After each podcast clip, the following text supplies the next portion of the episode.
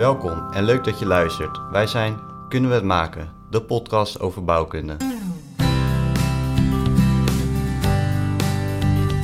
En op dat moment was ik bezig om een dakterras aan te passen. Dus ik had al een paar eh, kanaalplaatvloeren gereserveerd. Om niet te slopen, maar de onderdelen te kunnen oogsten uit bestaande constructies. Nieuwe staal is best wel goed te demonteren, dus daar is heel veel mogelijk qua hergebruik. Prinsenhof is daar een voorbeeld van, waar alle kanaalplaatvloeren zijn geoogst en uiteindelijk worden ingezet in drie nieuwe gebouwen. Het is zo simpel als Lego en Knex. Je handleiding was tegelijkertijd je demontagehandleiding. De vorige aflevering was met Erik Gele. We hebben het met hem gehad over de historie van onze campus. Deze aflevering een nieuw onderwerp, namelijk het hergebruik van materialen in de bouw. We nemen deze aflevering deze keer niet op in Eindhoven op de campus, maar bij Nebest in Vianen. We zijn hier met Koers, onze studievereniging, op excursie. Tijdens deze excursie hebben we al kennis gemaakt met Nebest, een bedrijf dat zich specialiseert in inspecties en diepgaand technisch onderzoek van de bouw. Wij spreken op locatie met Wouter van den Berg, nieuw business manager bij Nebest. Welkom Wout. Dankjewel. Ja, Wouter, eh, nieuw business manager. Wat houdt het eigenlijk in binnen Nebest? Nou, dat houdt eigenlijk in dat ik me dagelijks bezig mag houden met vooral eh, leuke nieuwe dingen. Eh, dus ik werk samen met een team van ongeveer vijf collega's aan de ontwikkeling van nieuwe dienstverlening, waaronder hergebruik. Oké, dus ehm, jouw functie omvat eigenlijk vrijwel al het nieuwe wat Nebest in de komende jaren gaat doen. Vooral de nieuwe projecten, nieuwe takken die ze gaan ontwikkelen. Ja, dat klopt inderdaad. Eh, wij richten ons voornamelijk op het eh, ontwikkelen van nieuwe dienstverlening. Waarbij we best wel een beeld hebben wat we nu denken te gaan doen de komende jaren. Maar het is vooral ook goed kijken wat er in de markt gebeurt. Om daar eh, snel en adequaat op te kunnen anticiperen. Oké, en hoe ben je hier dan terechtgekomen? Want heb je wel een ingenieurstudie gedaan? Of heb je eerst bij Nebest iets anders nog gedaan? Ja, ik ben eigenlijk net als jullie ooit begonnen als eh, eh, engineer. Eh, dus ik heb zelf ook een bouwkundige achtergrond. En ehm, nou ja, in de bouwcrisis ben ik eigenlijk een beetje met geluk in de wereld van beheer en onderhoud beland. Want er werd toen vrij weinig nieuw gebouwd, maar beheer en onderhoud bestaande bouw gaat wel altijd door. En ja, dat heeft mij eigenlijk bij, bij Nebus gebracht. Oké, ja, je hebt er al wel wat jaartjes ervaring. Ja, zeker. Ja, ik ben eh, net als vele andere collega's bij Nebust eigenlijk begonnen met het inspecteren, onderzoeken van bestaande constructies. En zo in, in de jaren eigenlijk steeds meer richting eh, productontwikkeling eh, georiënteerd. En hoe is dat zo gegroeid? Uit interesse of eh, toevallig gewoon? Nou, ik ben ooit in het begin bij Nebus gekomen toen er nog geen afdeling bouwkunde was. En eh, die hebben we toen met twee andere collega's helemaal opgebouwd. Oké, En op een gegeven moment merkte ik dat eh, na eh, vier jaar verder te zijn, eh, dat ik vooral heel veel energie kreeg in het opbouwen van nieuwe dingen. Ehm, en vandaar eigenlijk dat mijn interesse is gewekt voor productontwikkeling. Oké, en de tak binnen Nebest van de bouw, die is misschien dan ook wel gegroeid de afgelopen jaren. Jazeker, ik kwam in eh, 2011 eh, bij Nebest. Toen was het dus nog geen afdeling. Uiteindelijk hebben we in een jaar of vier een afdeling van ongeveer 15 man opgebouwd. En eh, anno 2023 is het al een afdeling van eh, bijna 25 man. Oh, dat is echt een flinke groei inderdaad. Zeker, ja. Ja, hartstikke leuk Wouter. Ehm, ja, we hebben we beginnen altijd een beetje het gesprek met een vragenvuur, zodat je een beetje warm kan draaien voor de rest van het gesprek. We hebben een paar korte stellingen en eh, je hoeft er alleen maar waar of niet waar op te ze- antwoorden. Nou, kom maar op. om te beginnen. Hergebruik zou verplicht moeten worden. Absoluut. Regel... Oh nee, dat was fout, hè? Ja. Maar, Absoluut is ook goed hoor. Ehm, regelgeving is de beperkende factor binnen het hergebruik. niet waar. Hergebruik van materialen is ambitieus. Niet waar. Er is veel animo binnen de bouw om te mat- eh, materiaal te hergebruiken. Nooit genoeg, dus dan ga ik voor niet waar. Huidige bouw is al klaar voor het hergebruik op grote schaal. Nou, onvoldoende. Niet waar dus. Demonteren is altijd de meest duurzame oplossing. Mm, niet waar. Ik zou mijn huis bouwen van hergebruikte constructieelementen. Zeker. Oké. Ja, toch zo'n mooie brugligger ergens wegleggen in je huis. Ja, nou ja, ik heb al gezegd van... eh, ik woon natuurlijk in Arnhem en eh, daar eh, vlak naast mijn huis eh, was het project de Prinshof... waar de kanaalplaatvloeren zijn eh, hergebruikt. Mhm. En op dat moment was ik eigenlijk nog bezig om mijn, eh, mijn dakterras aan te passen. Dus eh, ik had al een paar kanaalplaatvloeren gere- gereserveerd. Maar Nou, helaas heb ik ze moeten missen. oh, dat is jammer. Oh, dat is wel balen, ja. Ja. maar dat zag je wel zitten, want dat is- lijkt mij toch best wel wat extra werk. Nou ja, het was letterlijk en figuurlijk bij mij in de achtertuin. Dus eh, ze hoefden ze alleen nog maar eh, eh, naar ons toe te rijden. eh, Oké. over een paar honderd meter. Ja. Ja, en op zich is het, is het heel veel moeilijker om net kanaalplaatvloeren zijn prefab elementen. Als je die demonteert, eh, ze zitten natuurlijk altijd nog wel verankerd of er zit een toplaag overheen. Is het dan eh, makkelijker om het te gaan gebruiken in een ander project dan wanneer je in situ hebt? Bijvoorbeeld een in situ betonnen element. Eh, qua hergebruik, bedoel je, dan? Ja, om het weer te implementeren in een nieuw project. Gewoon een kanaalplaatvloer of überhaupt een prefab element. Is het makkelijker om dat eh, te hergebruiken? Nou, niet per definitie, eh, omdat je natuurlijk best wel een aantal extra handelingen hebt. Dus dat maakt hergebruik en zeker de, de demontage soms best complex. Ook omdat niet altijd de juiste tekeningen meer voorhanden zijn. En eh, ja, dan moet je toch veel informatie in het veld eh, achterhalen.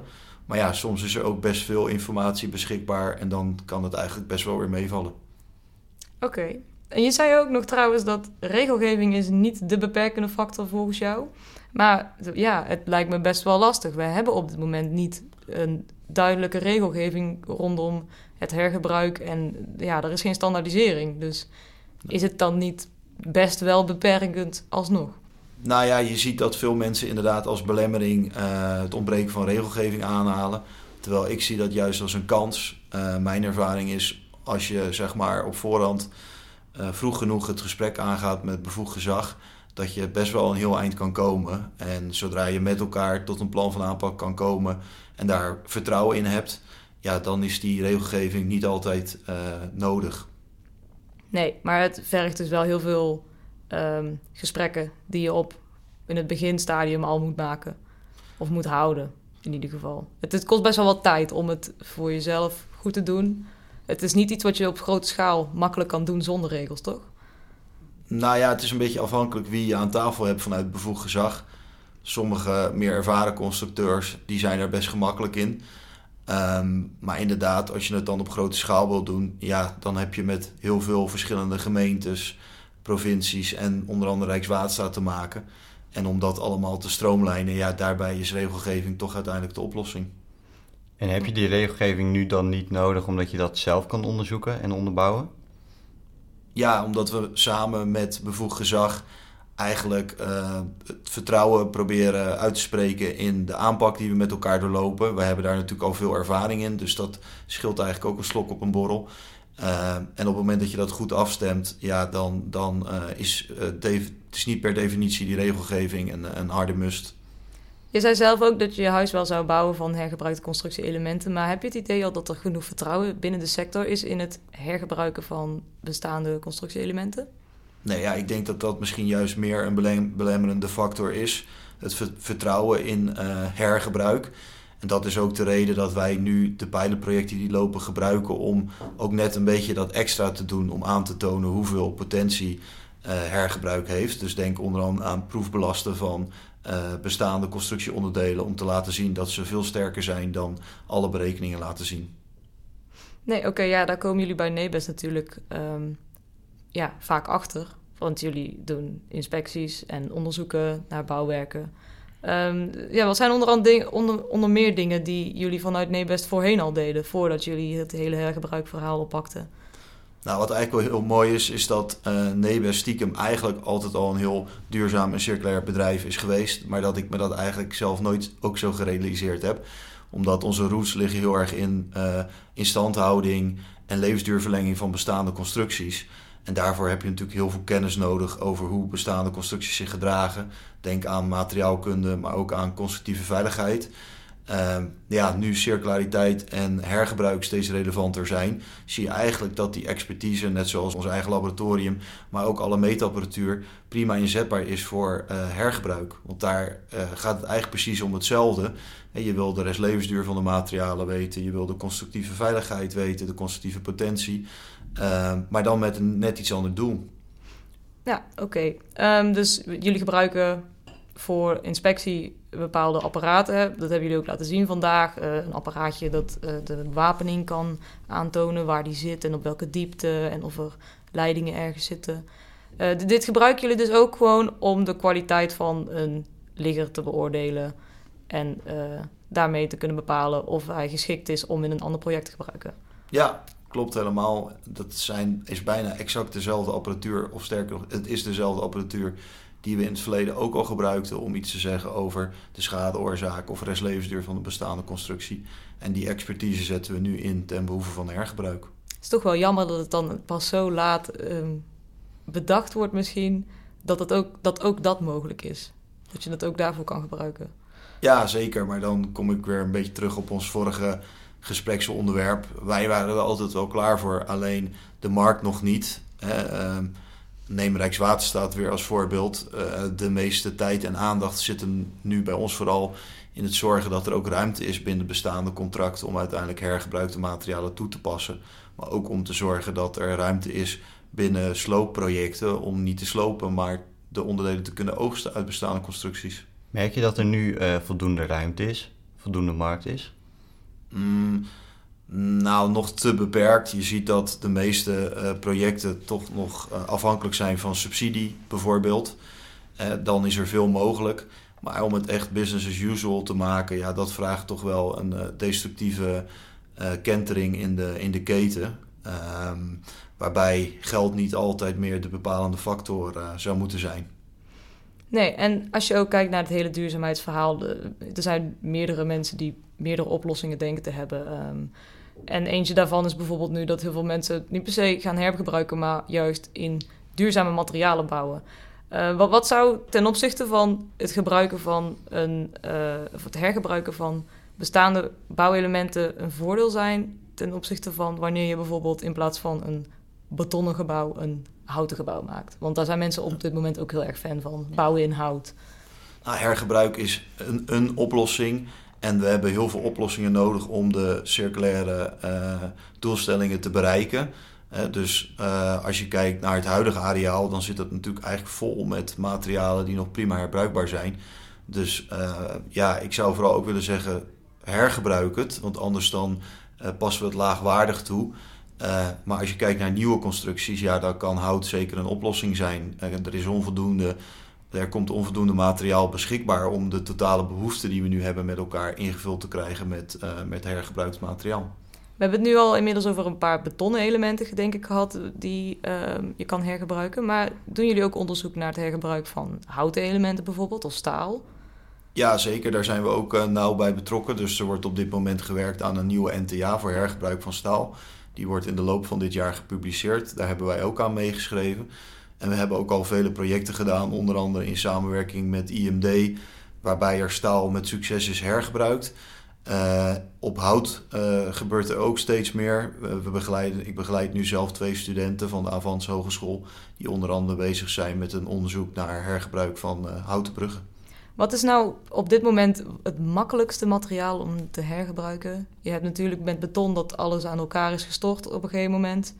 Uh, mij lijkt dat staal best wel makkelijk is als je een gebouwde constructie hebt. Maar ik weet het, ja. Wat, wat denk jij er zelf van? Goeie vraag. Uh, nee, je, denkt inderdaad in de juiste richting. Staal is vaak uh, natuurlijk al met boutverbindingen gerealiseerd. Zeker het nieuwere staal. Bij oudere bruggen was het nog wel eens geklonken, maar vooral het nieuwe staal is best wel goed te demonteren. Dus daar is heel veel mogelijk qua hergebruik. Um, voor de rest beton, zeker privé-beton. Uh, is eigenlijk ook best wel heel goed her te gebruiken. Welk materiaal is daarin het best voorspel? Want jullie zijn volgens mij het meeste bezig met beton. Uh, zegt dat iets over het materiaal beton? Dat dat lastig te hergebruiken is of lastig te beoordelen is?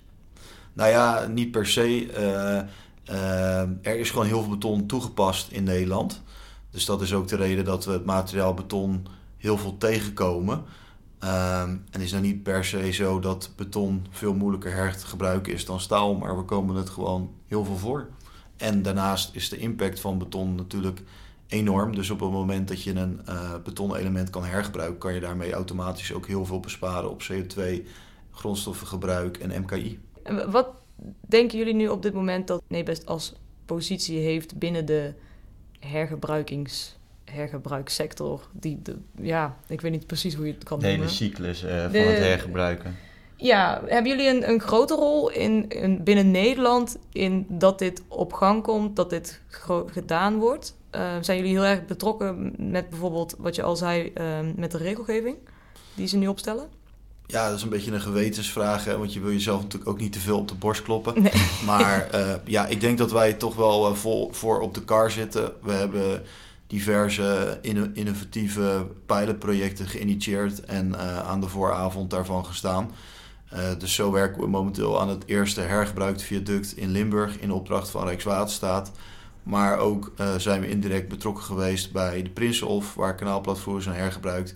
En bij de allereerste donar skeletten van staal betrokken geweest samen met IMD. Dus ja, ik durf wel te stellen dat we een van de koplopers zijn. Rijkswaterstraat is wel een trouwe klant voor jullie, of niet? Ik hoor ze best wel vaak zo voorbij komen. Ja, zeker. Maar goed, dat kan natuurlijk ook niet anders als, uh, als een van de grootste opdrachtgevers van Nederland. Uh, die hebben natuurlijk een enorm areaal. Als je kijkt naar de hoeveelheid viaducten, dan zijn dat er meer dan 3000. Ja, uh, als je ervan uitgaat dat ongeveer de helft uit liggerviaducten bestaat, ja, daar komt heel veel materiaal uit vrij. Is daardoor de markt gekanteld? dat het nu wel ineens voor jullie aantrekkelijk is om daar onderzoek naar te doen, omdat zo'n grote opdrachtgever ineens uh, met hergebruik bezig is? Ja, dat speelt zeker mee. Je ziet uh, nu Rijkswaterstaat voorop gaat, ook omdat ze in 2030 al volledig klimaatneutraal en circulair willen zijn, dat dat wel heel aanstekelijk werkt in de markt. Dus dat onder andere provincie Noord-Holland, Utrecht nu ook volgen. Is het haalbaar of zijn ze te ambitieus, naar jouw mening? Eigenlijk, ja, kan het eigenlijk niet zeggen natuurlijk dat het nee is. Het moet wel een ja, ja worden. De, de, het is altijd goed om ambitieus te blijven, zeker als het om dit soort belangrijke doelstellingen gaat. Uh, als je om je heen kijkt en je leest de kranten, dan zie je dat klimaatverandering steeds dichterbij komt. Uh, dus laten we alsjeblieft ambitieus blijven. Maar of het haalbaar is, ja, ik ben een rasoptimist, maar ik, ik heb er wel een hard hoofd in. Ja, precies. Nou ja, het is inderdaad wel goed om optimistisch te blijven, want de druk zorgt er natuurlijk wel voor dat er dingen blijven gebeuren. En er moet hoognodig wat gebeuren. De enige manier om invulling te geven aan de doelstellingen die we hebben met elkaar is um, een destructieve verandering. Uh, waarbij we ook moeten accepteren dat we misschien uh, fouten maken en uh, toch een stap terug doen ten aanzien van de standaarden die, die we hebben. Maar anderzijds is het ook gewoon minder doen. Ja, jullie onderzoeken natuurlijk ook bestaande bouwwerken om ze te behouden. We, we slopen best wel veel. Zien jullie uh, dat daar de reden van is dat een gebouw ook gewoon niet meer kan voldoen omdat hij bouwfouten heeft? Of uh, wat zien jullie uiteindelijk dat de grootste reden is dat we nog best wel veel slopen? Nou, sommige naoorlogse flatgebouwen um, zijn natuurlijk op hele grote schaal en heel snel geproduceerd. Dus daar zie je dat de kwaliteit soms wat te wensen overlaat. Maar in heel veel van de gevallen, zeker de grotere utiliteitsgebouwen en industriële gebouwen, ja, die kunnen nog heel lang mee. En daarbij spelen dan vaak functionele eisen een, uh, een rol. Ja, dus meer ontwerptechnisch, dat het gewoon niet ja, voor een andere functie geschikt is. Plafondhoogtes en dat soort zaken. Ja. Nee, oké. Okay. Is tijd dan ook een, uh, een beperkende factor? Omdat je wil natuurlijk, uh, nee, je maakt een nieuw ontwerp, op een gegeven moment moet het gebouw gesloopt worden dan moet je toch, als je dat wil hergebruiken, weer een, uh, nieuw gebouw vinden. Of in ieder geval een onderzoek verrichten. Dat kost tijd, kost ook geld. Misschien is de tijd er wel niet. Is dat dan een hele beperkende factor? Ja, dat speelt nu zeker mee, omdat we eigenlijk nog niet echt een voorraad hebben aan herbruikbare materialen. Dus de voorraad zit nog in het bestaande areaal. Um, en daarbij uh, kunnen onder andere tools zoals de herbruikbaarscan die wij ontwikkeld hebben een belangrijke rol spelen. Zodat je beter inzicht hebt wat er in het areaal zit, wat de potentie is voor hergebruik en wanneer het beschikbaar is. Zodat je eigenlijk kan zorgen dat je nieuwe gebouwen nog veel beter kan afstemmen op die bestaande voorraad. Dat is een snelle manier eigenlijk. Ja. Oké. En het is ook belangrijk om op een gegeven moment de kans aan te grijpen om te oogsten, zodat we met elkaar voorraad opbouwen. Want we zien nu ook al, als je bijvoorbeeld naar liggers kijkt, dat die liggers uiteindelijk toch wel weer een bestemming vinden. Dus we moeten met elkaar ook niet bang zijn om een keer iets extra te investeren en dan later daar pas de vruchten van te plukken. En dat die onderdelen dus tijdelijk worden opgeslagen. Jullie hebben een herbruikbaarheidscan gemaakt. Wat is dit precies? Want uh, wij weten het. Wij hebben het nou uitgelegd gekregen vanmiddag. Maar onze luisteraars die zullen denken van... Uh, ik heb geen idee wat het is. Nou ja, de herbruikbaarheidsscan uh, is eigenlijk een verlengstuk van de bestaande uh, materialenmarktplaatsen. wij zijn geen tiende materialenmarktplaats in een row, maar wij zetten eigenlijk juist in op het verzamelen van de informatie die essentieel is om met hergebruik aan de slag te kunnen in de praktijk. Dat hebben we in kaart gebracht binnen het SBER-project met alle ketenpartners. Gekeken welke behoeften bijvoorbeeld een sloper heeft qua informatie, maar ook een ontwerper. En daar hebben we die herbruikbaarscan op afgestemd. En uh, met die herbruikbaarscan halen we eigenlijk alle informatie op die nodig is om met hergebruik aan de slag te gaan, maar geven we ook een technisch oordeel over de potentie voor hergebruik. Wat is die informatie dan die, uh, die je nodig hebt voor die scan? Uh, nou, dat kan je eigenlijk uh, onderverdelen in een vijftal categorieën. Uh, enerzijds natuurlijk de constructieve eigenschappen van elementen. Dus wat is de, de constructieve capaciteit. maar ook de materiaaleigenschappen. dus wat voor kwaliteit staal hebben mee te maken. Wat is de druksterkte van het beton. Anderzijds zijn er natuurlijk factoren zoals bijvoorbeeld de los, losmaakbaarheid die een hele belangrijke rol spelen. Dat bepaalt hoe makkelijk je iets eruit krijgt. Is het bijvoorbeeld in het werk gestort of zit het vast met boutverbindingen? Dat scheelt al enorm. Uh, anderzijds spelen een aantal milieukundige factoren een rol. Denk bijvoorbeeld aan asbest en chroom 6. Die kunnen hergebruik in de weg staan. Nou ja, zo zijn er nog meer factoren die we hebben ontsloten in die herbruikbaarscan. Welke factoren denk je nu dat uh, de meeste invloed hebben op de prestatie van een element qua herbruikbaarheid? Is het zijn milieuvriendelijkheid? Is het de, de sterkte van het materiaal? Of is het juist dat je het makkelijk los kan maken bijvoorbeeld? Nou, dat is heel erg afhankelijk van uh, de toepassing natuurlijk. Uh, maar als je dan in algemene zin kijkt, dan speelt uh, losmaakbaarheid toch wel een hele belangrijke rol. want op het moment dat iets helemaal vastgestort zit, dan moet je dus ook vrij veel schade aanbrengen, wil je het eruit kunnen halen. En stel dat een element wel goed losmaakbaar is, maar bijvoorbeeld nog maar een restlevensduur heeft van 20 jaar, ja, dan is er vaak nog wel een andere toepassing te bedenken waar dat element zijn weg kan vinden. En uh, ja, dan, dan, dan hoeft dat dus niet per se een uh, beperkende factor, factor, te zijn. Nee, het ligt dus echt puur aan de situatie waar je het voor zou willen gebruiken. Ja, en in algemene zin, wat ik zeg, is losmaakbaarheid een, uh, een belangrijke factor die hergebruik heel erg kan bemoeilijken of juist heel makkelijk kan maken. Hebben jullie, ja, maken jullie het dan ook wel mee, of ervaren jullie het dan zo dat de losmaakbaarheid misschien ook best nog wel een, een dingetje is in Nederland? We hebben natuurlijk veel met beton gedaan. Beton zit helemaal vast, maar ook met staalconstructies, als je die, aan, die zijn gestort aan de fundering. Uh, ja, je krijgt het moeilijk los. Is het iets waarvan jullie denken, dit moet sowieso gewoon anders voor de toekomst? Jazeker, en uh, dan komen we eigenlijk weer terug op de eerdere discussiepunt van wat we hadden. Hè. De, uh, nieuwe constructies, uh, ja, die moeten eigenlijk ontworpen zijn voor toekomstig hergebruik. Wat voor materiaal dan ook. En er zijn nu diverse ontwikkelingen in de sector waar wij ook aan meewerken. Uh, waarbij methodes ontwikkeld worden voor losmaakbaar ontwerpen. zo is er recent in samenwerking tussen Witteveen en Bos, Nebest en Alba Concept een eerste aanzet gegeven voor losmaakbaarheid in de GBW. Uh, en wordt er nu vanuit CB23 uh, ook gewerkt aan een richtlijn voor losmaakbaar ontwerpen. Uh, dus daar zijn wel allerlei bewegingen die moeten helpen om de toekomstige herbruikbaarheid van constructies te kunnen garanderen. Dus ook met deze herbruikbaarheidsscan heb je misschien een zwakke plek binnen de bouw blootgelegd dat we het nog niet hebben gedaan, omdat we het onszelf misschien best wel moeilijk hebben gemaakt de afgelopen paar jaren. Zeker, maar ik stel soms ook wel eens de vraag: wanneer is, wanneer is iets losmaakbaar genoeg? Want als je kijkt naar de bestaande gebouwvoorraad, dan is daar misschien 1% losmaakbaar van als je de huidige methodes erop loslaat. Terwijl we krijgen de elementen er wel uit.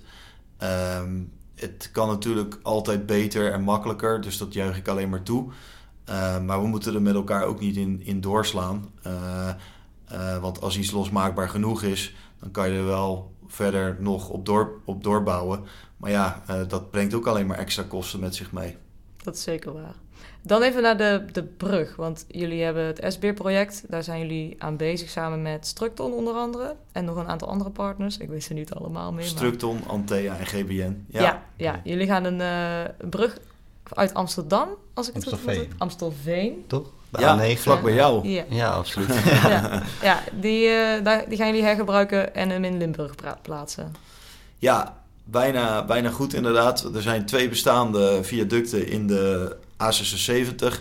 En die uh, worden eigenlijk, uh, of die stonden op de rol om gesloopt te worden. Die gaan wij nu beide oogsten. En op diezelfde plek moet één nieuw viaduct terugkomen.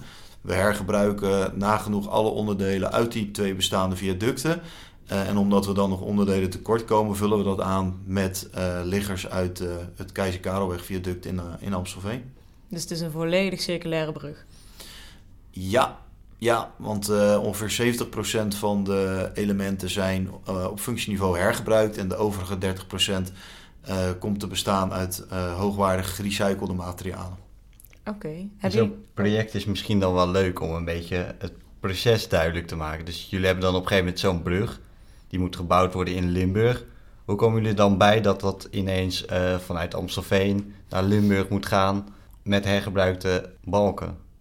Ja, dat heeft eigenlijk alles te maken met het inzicht wat we met die herbruikbaarheidscan uh, verworven hebben. En omdat we al best wel heel veel bruggen hebben gescand, wisten we toevallig dat er nog onderdelen vrijkwamen uit de A9. Uh, en zo hebben we eigenlijk de puzzel gelegd om het ontwerp zo circulair mogelijk te krijgen.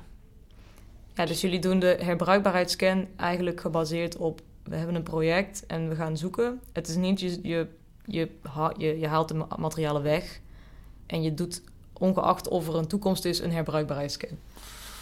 Nou, eigenlijk probeer die herbruikbaarheidsscan al zoveel mogelijk te koppelen aan uh, bestaande beheer- en onderhoudssystemen bij bijvoorbeeld Rijkswaterstaat, maar ook bij woningbouwcorporaties. Mm En zodat je eigenlijk onderhoudsinspecties die je uitvoert ook gelijk kan gebruiken uh, om inzichten op te halen ten aanzien van hergebruik.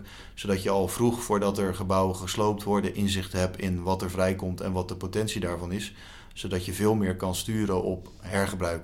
Dus zo proberen we eigenlijk zoveel mogelijk uh, gebouwen, bruggen en viaducten in kaart te brengen. Zodat je op basis daarvan ja, vooral een goed beeld hebt van wat er vrijkomt. Dus die dataverzameling is eigenlijk essentieel om uh, her te gebruiken. Omdat je die data moet je meteen paraat hebben om snel te kunnen hergebruiken. Ja, zeker. En daarbij spelen natuurlijk materialenpaspoorten een belangrijke rol. Uh, maar ja, die zijn er simpelweg nog niet van uh, heel veel bestaande gebouwen. Nee, inderdaad. Dat moet uh, helemaal uh, van de grond komen als jullie... Het, of tenminste, het is nog vrij nieuw als ik het zo hoor. Dus dan... Uh... Nou ja, voor nieuwe ontwerpen zijn natuurlijk vaak wel BIM-modellen beschikbaar. Alleen ja, soms verdwijnen die ook als sneeuw voor de zon. We maken het vaak genoeg mee dat van nieuwe gebouwen die nog geen tien jaar oud zijn... er helemaal geen gegevens meer te vinden zijn in het gemeentearchief ja, dat is wel heel erg belemmerend voor hergebruik. Des te meer we uiteindelijk weer in het veld natuurlijk moeten ophalen hoeveel krijgen jullie dan uiteindelijk nog wel uit het veld gehaald? Want jullie hebben heel veel apparatuur, jullie kunnen samples uh, boren, testen in het lab. Jullie hebben uh, radarmateriaal, duikers die onder water gaan. Is het mogelijk om een gebouw helemaal weer in kaart te kunnen leggen met het materiaal dat jullie op dit moment hebben? Ja, er is weinig wat we niet kunnen meten en onderzoeken. Waarbij natuurlijk wel uh, geldt dat hoe meer je moet meten en onderzoeken, hoe duurder het wordt. Dus hoe minder uh, economisch aantrekkelijk hergebruik uiteindelijk wordt. Uh, waarbij ja, uh, geld misschien wat minder de boventoon zou moeten voeren. Maar uiteindelijk gaat het natuurlijk wel om de balans. Wat je erin investeert en wat het bijdraagt aan milieureducties.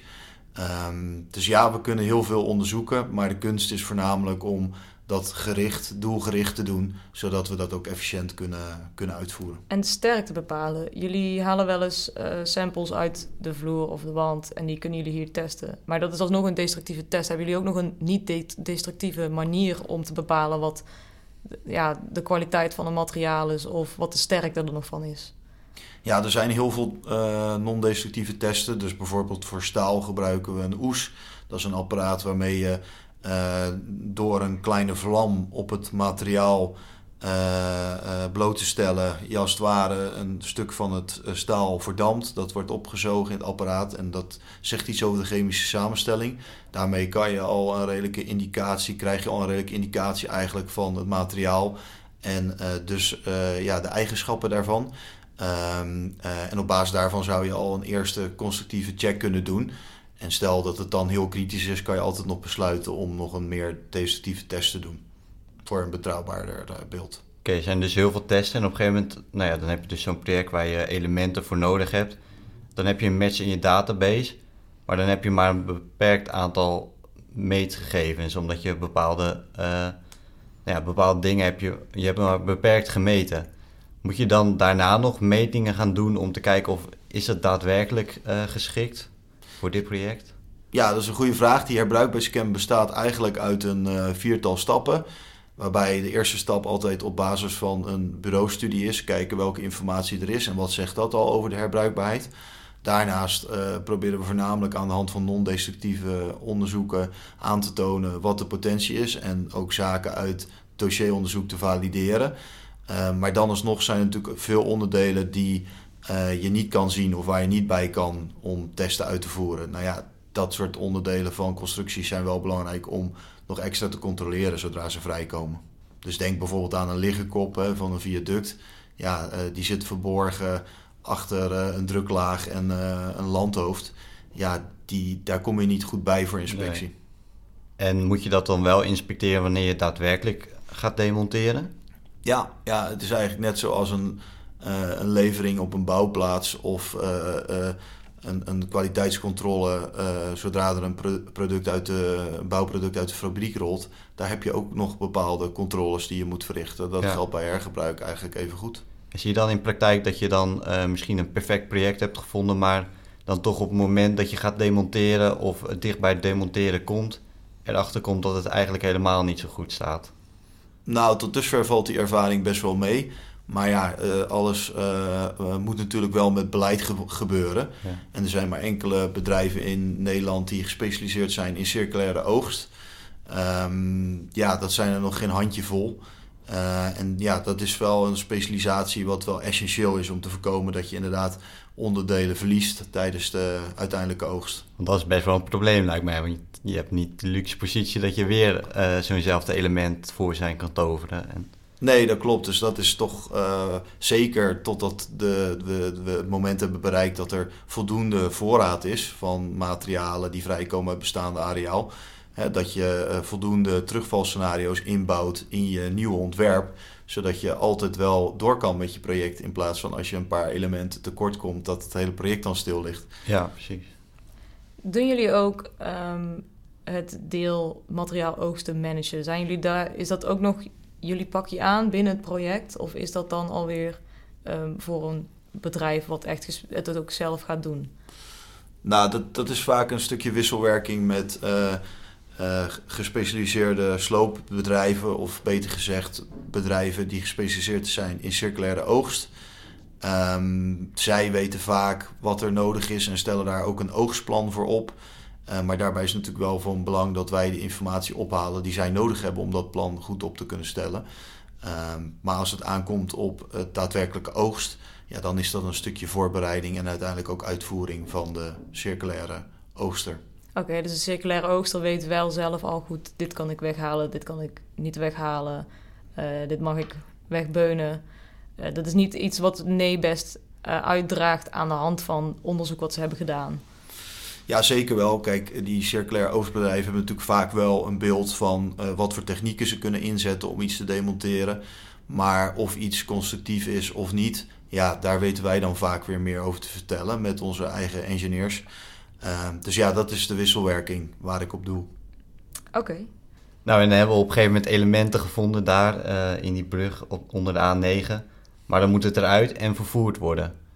Is dat dan een direct vervoer of moet je dat dan ook nog tijdelijk opslaan uh, in de meeste gevallen? Nou, dat is afhankelijk van hoe goed die uh, planning van die beide projecten op elkaar aansluiten. In dit specifieke geval uh, van dat viaduct in Limburg hebben we nog een tijdelijke opslag, omdat de twee viaducten in de A76 natuurlijk ook nog geoogst moeten worden. Dus die onderdelen worden opgeslagen op een oude steunpuntlocatie in Maasbracht. Dat is een locatie die in beheer is van Rijkswaterstaat. Die ze in het verleden voor allerlei andere functies hebben gebruikt. Uh, en daar gaan we de liggers ook uh, bewerken. Dus de liggers worden wat ingekort. en eventuele kleine beschadigingen die worden daar gerepareerd. Dat wordt wel veel opslagruimte huren als je moet demonteren en je kan nog niet gelijk door. Is dat niet een probleem? Ja, logistiek moet, is dat best een uitdaging. Logistiek kan het wel een uitdaging zijn. Of is daar al een oplossing voor? Nou, het is uh, soms kostenverhogend, afhankelijk van hoe lang de liggers uh, opgeslagen dienen te worden. In dit geval is dat relatief kort, dus na de nabewerking kunnen ze eigenlijk vrij snel alweer naar de projectlocatie. Um, nou is het zo dat als je kijkt naar de hoeveelheid materialen die vrijkomen uit bestaande areaal, uh, dat dat nooit genoeg is om de volledige behoefte in te vullen. Dus ja, aan de andere kant, als we alle materialen kunnen opslaan die nu nodig zijn voor de bouw, waarom zouden we dat dan niet kunnen met hergebruikte materiaal? Dat is ook waar. Hoeveel materiaal zouden we nu ongeveer uit hergebruik kunnen halen waar we ook daadwerkelijk mee gaan bouwen? Dat is afhankelijk van de sector. Als je kijkt naar de GWW-sector, zou ongeveer 65% van de materiaalbehoeften kunnen worden ingevuld met hergebruikte materialen. Um, en als je kijkt naar de BNU, dan ligt dat wat lager, zo rond de 20 of 30 procent. Waar, van waar dit verschil? Uh, nou, dat heeft er vooral mee te maken dat er in uh, de BNU uh, aan de ene kant veel grotere elementen beschikbaar komen die goed herbruikbaar zijn. Um, en de viaducten en bruggen ook uit veel minder componenten staan, bestaan dan bijvoorbeeld een gebouw. En als je bij een gebouw kijkt, ja, neem bijvoorbeeld een gemetselde gevel. Ja, dat is best wel een groot oppervlak, alles bij elkaar van je totale gebouw. Uh, ja, uh, bakstenen zijn bijvoorbeeld weer wat moeilijker her te gebruiken. Dus dat maakt eigenlijk het verschil. Ja, het is op een andere manier natuurlijk. Je hebt nu al wel wat toepassingen waarin je bakstenen kan gaan hergebruiken. Je hebt het klik, uh, klikbrik systeem bijvoorbeeld, waar je het gewoon weer van de gevel kan strippen, want je hebt geen voeg.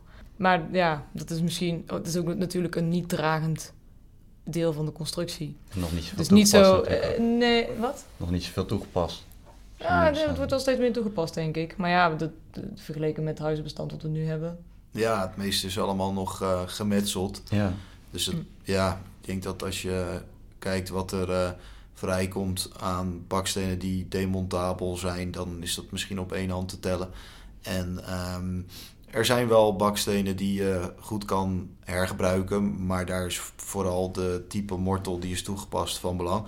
Uh, cementgebonden mortel over het algemeen heeft een hele goede hechting en kan ook beperkend zijn ten aanzien van het opnieuw vermetselen.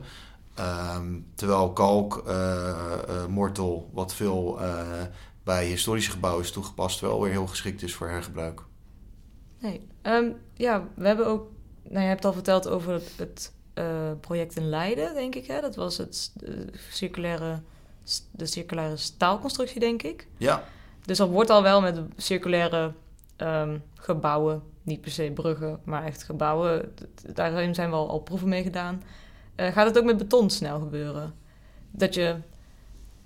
Het, is best, het lijkt me best makkelijk als je een prefab constructie hebt die je weer uit de grond kan slaan. En dan uh, kun je hem gewoon weer ergens anders opbouwen. Maar is dat al iets waar ze mee bezig zijn op dit moment?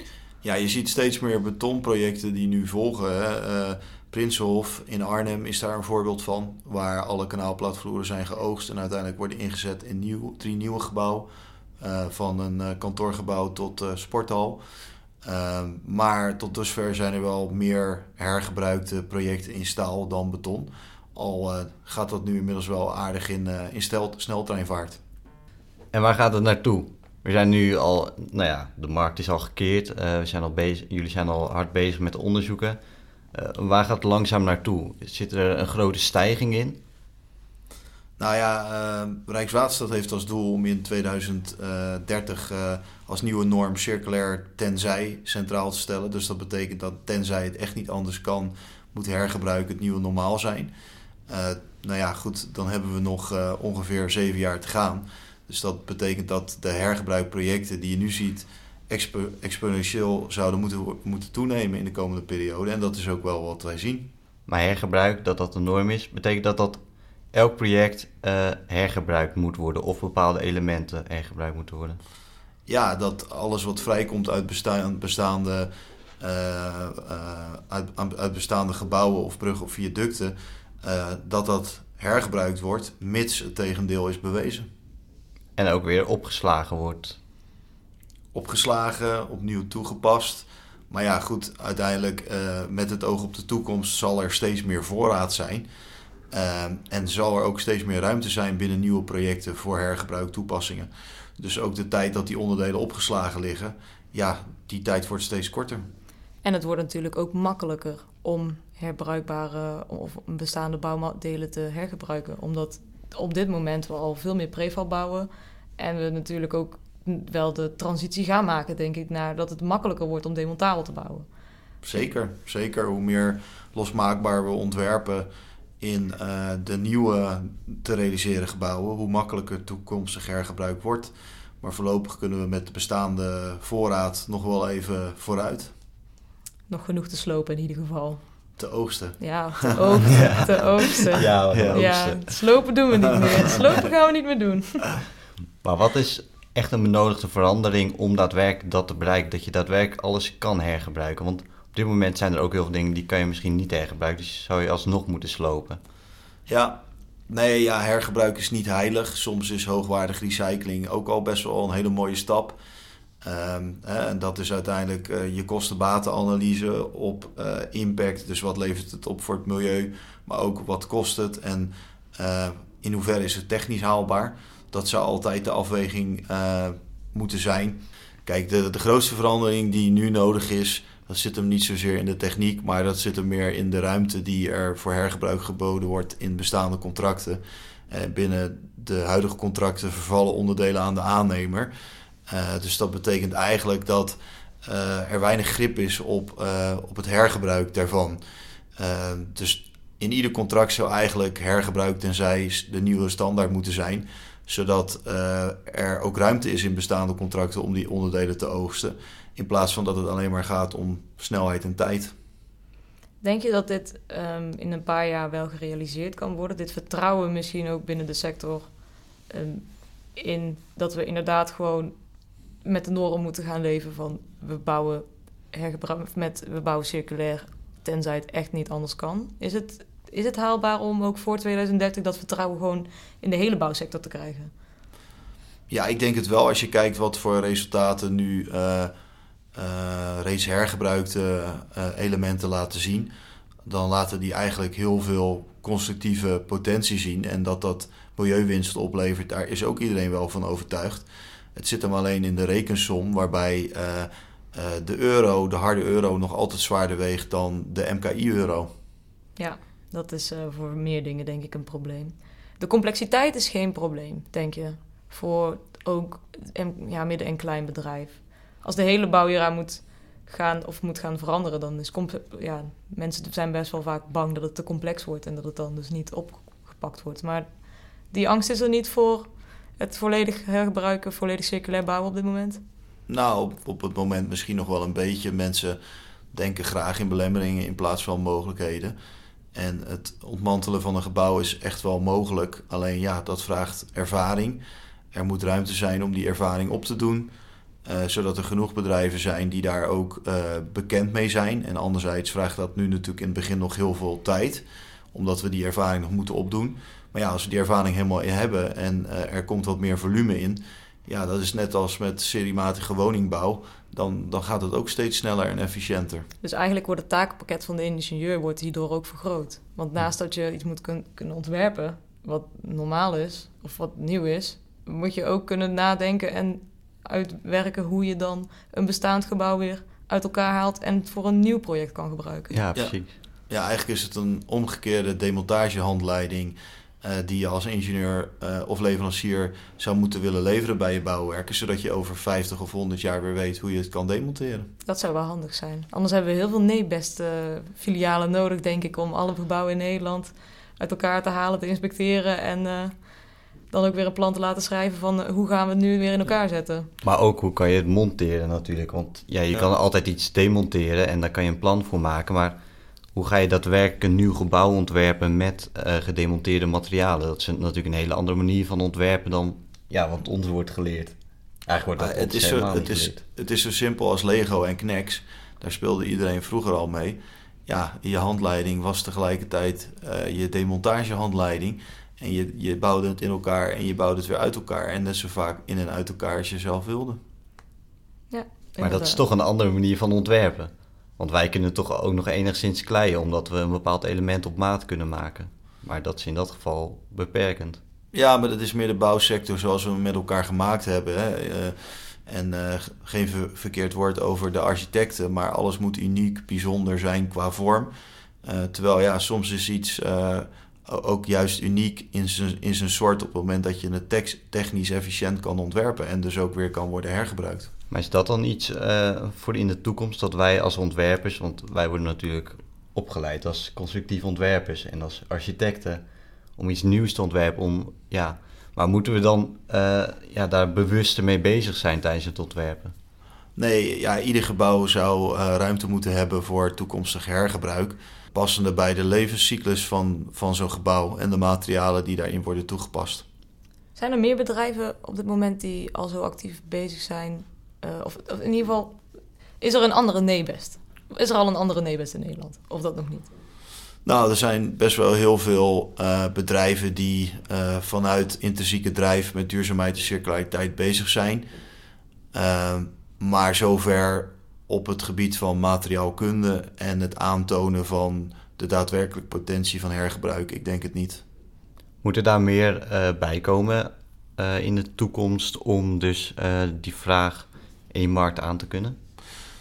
Nou, ik denk dat het vooral belangrijk is dat, net als wij dat hebben ervaren, dat er meer bedrijven die ook dezelfde expertise hebben als Nebus, diezelfde, diezelfde mindset uh, krijgen.